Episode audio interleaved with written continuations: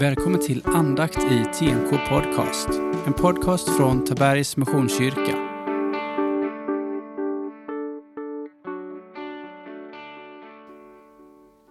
Jag heter Daniel Lundstedt och är en av församlingens pastorer. Välkommen till våra andakter. Vi fortsätter vår läsning från Johannesevangeliet. Vi är vid Johannes kapitel 19, vers 38 till 42. Josef från Arimataya, som var lärjunge till Jesus, fast i hemlighet, av rädsla för judarna, bad efteråt Pilatus att få ta ner Jesu kropp. Pilatus tillät det och Josef gick och tog ner kroppen. Nikodemus kom också dit, han som första gången hade sökt upp Jesus på natten. Och han hade med sig en blandning av myrra och aloe, omkring 30 kilo. De tog Jesu kropp och lindade den med linnebindlar tillsammans med kryddorna så som judarna brukar göra vid en gravläggning.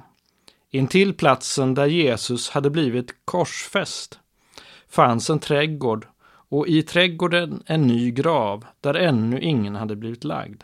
Där lade Jesus eftersom det var den judiska förberedelsedagen och graven låg nära.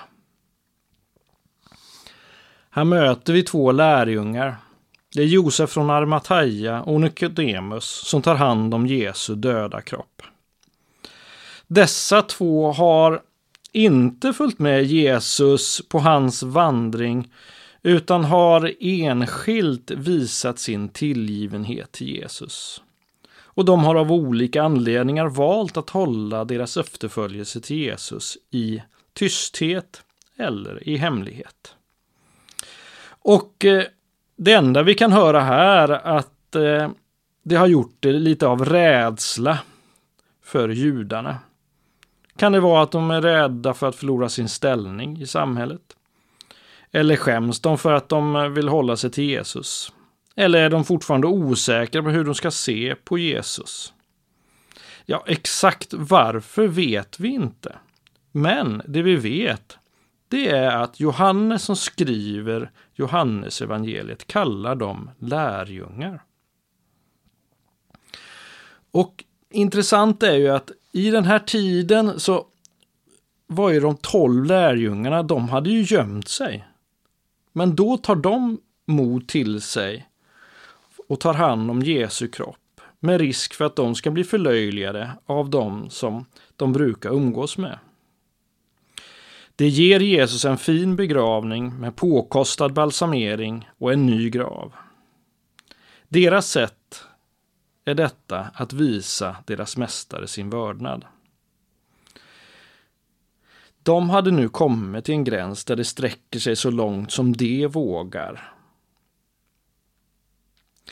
Vi är många som går runt med dåligt samvete för att vi inte är den där evangelisten som i tid och otid vågar berätta om vår tro för alla människor runt omkring oss. Vi tycker det är bra när människor vittnar, eller rättare sagt berättar i en gudstjänst om vad Gud har gjort i deras liv under veckan. Men samtidigt så är vi livrädda för att pastorn ska fråga oss om vi vill vittna i nästa gudstjänst. För ofta ser vi ner på vår egen tro och ser då inte vad vi gör. Jag vill att du ska komma ihåg en sak. Du är en lärjunge till Jesus Kristus när du sagt till Jesus i bön att du vill tro på honom och försöka följa honom idag. Glöm inte det. Vi ber. Jesus, tack att vi får vara dina lärjungar och att du accepterar oss precis sådana som vi är. Ta emot Herrens välsignelse. Herren välsigne dig och bevare dig. Herren låter sitt ansikte lysa över dig och är dig nådig. Herren vänder sitt ansikte till dig och ger dig av sin frid. I Faderns och Sonens och den helige Andes namn. Amen. Och sen till utmaningen. Jag vill att du ska skriva ner din egen bekännelse på Jesus Kristus. Du behöver inte dela med den med någon annan. Men läs den ett par gånger och göm den i din bibel.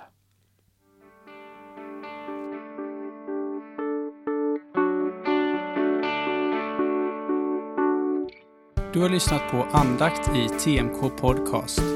En podcast från Tabergs Missionskyrka.